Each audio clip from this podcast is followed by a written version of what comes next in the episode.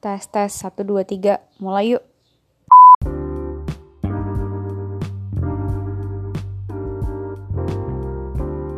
Hampir satu bulan ya kita ngejalanin karantina di rumah.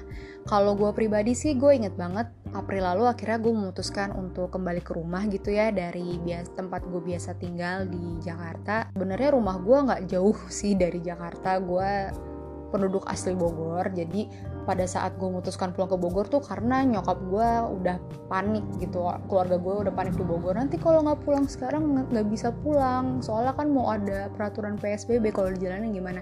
Ya udah akhirnya gue juga anaknya anak rumahan gitu ya udah pulang ke rumah aja daripada gue harus survive sendiri di Jakarta. Setiap gue menjalani hari di rumah kok rasanya lama banget ya.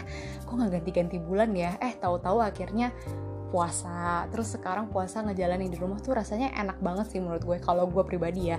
Kayak nggak ada beban aja gitu harus bikin jadwal buka keluar buka di luar atau misalnya harus macet-macetan desek-desekan pulang dari kantor ke rumah. Jadi gue sih sangat amat nyaman ya dengan kondisi seperti ini. Gue tetap kerja dari rumah, WFH, dan selama WFH ini gue kalau nggak pengen kembali kerja onsite gitu, gue menikmati banget sih kerja di rumah. Kayak meeting dari Zoom atau Teams, terus uh, wawancara user lewat WhatsApp aja atau langsung telepon Teams atau telepon WhatsApp. Terus kalau misalnya kayak ada meeting pagi-pagi nggak perlu mandi nggak perlu dandan ya kan nggak perlu setrika kerudung. Menyenangkan aja sih menurut gue walaupun memang ada beberapa kendala yang gue temuin selama gue kerja WFH kayak misalnya kita kan sering ada diskusi ya diskusi sama tim diskusi sama user terus diskusi sama peers juga untuk dapetin masukan. Atau misalnya ada fitur baru yang lagi mau dijelasin sama orang yang memang spesialis di bidang itu.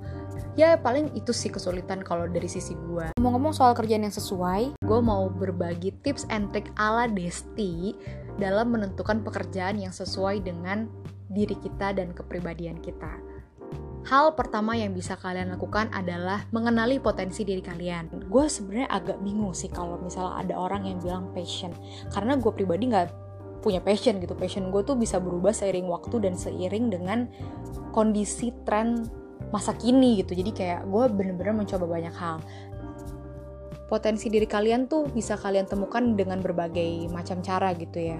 Kalau gue sih biasanya gue gambar, gue tulis gitu. Jadi kayak gue bikin uh, buletan besar Desti terus ada cabang-cabangnya gue dulu kuliahnya di mana jurusan yang gue ambil apa konsentrasi gue waktu perkuliahan apa subjek yang gue suka pas kuliah tuh apa kayak gitu. Dan gue gue juga ini apa namanya ngasih bobot gitu dari subjek-subjek tersebut mana nilai gue yang paling tinggi. Itu kalau dari sisi akademis gue. Terus gue juga inget-inget lagi nih apa aja sih keseharian yang biasa gue lakukan selain gue kuliah? Misalnya gue oke okay lah gue tulis nongkrong gitu ya terus gue suka baca buku terus gue suka ngulik ngulik tuh ya bisa apa aja sih misalnya ngulik tuh mungkin lu bertanam, bercocok tanam atau misalnya masak kayak gitu. Jadi selain kalian juga bisa menilai diri kalian dari sisi akademis, kalian juga bisa menilai diri kalian dari hal lain. Dan itu tuh jangan anggap sepele loh aktivitas yang kalian lakukan sehari-hari berulang-ulang itu bisa jadi adalah ladang pekerjaan kalian juga.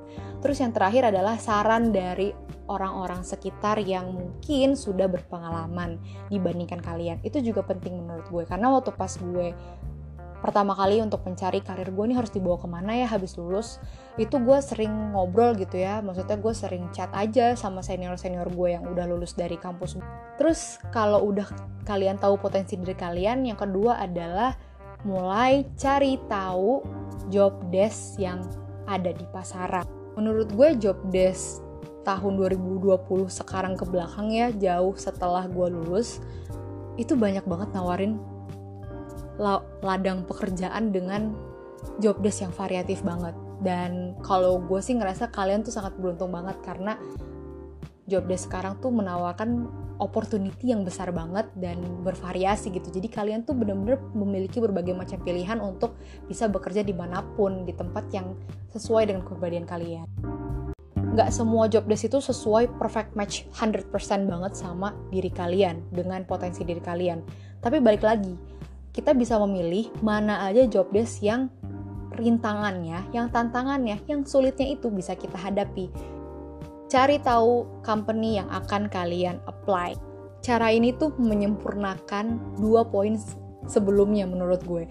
Karena kalian udah tahu potensi diri kalian, job desknya udah kalian mepingin sama potensi diri kalian, tinggal wadahnya aja nih, penampungan kalian aja nih, cocok nggak sama pribadi kalian juga. Buat gue cari tempat kerja yang nyaman itu penting banget karena kita hampir menghabiskan sebagian waktu hidup kita ya sekitar 8-9 jam tuh di kantor. Jadi kalau misalnya kantor kita nggak nyaman, apalagi di situ kita dituntut untuk berpikir, untuk memberikan ide, untuk menyelesaikan tugas, itu akan ngerusak mood juga sih, ngerusak mood, ngerusak konsentrasi kalian juga. Buat gue, selain komponen dari diri gue sendiri, gue juga butuh external support gitu yaitu ya dari sisi job desk dan juga dari sisi tempat kerja yang akan gue tuju. Selain itu, hal yang penting juga untuk kalian cari tahu adalah nilai-nilai yang ditawarkan di perusahaan tersebut. Kalian bisa tuh browsing-browsing dari website yang dimiliki oleh si perusahaan tersebut.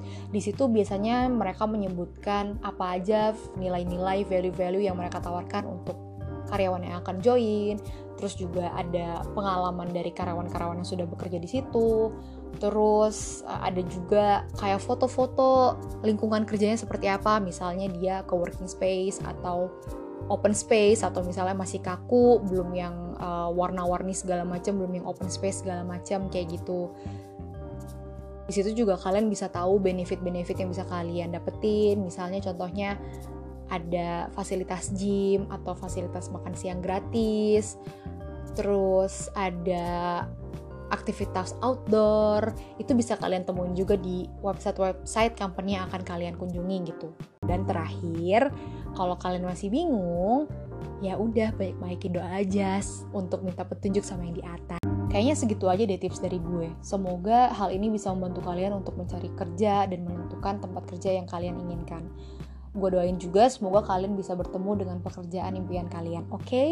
sampai ketemu di next episode di hari Jumat jam 8 malam ya. Jangan lupa stay tune. Dah.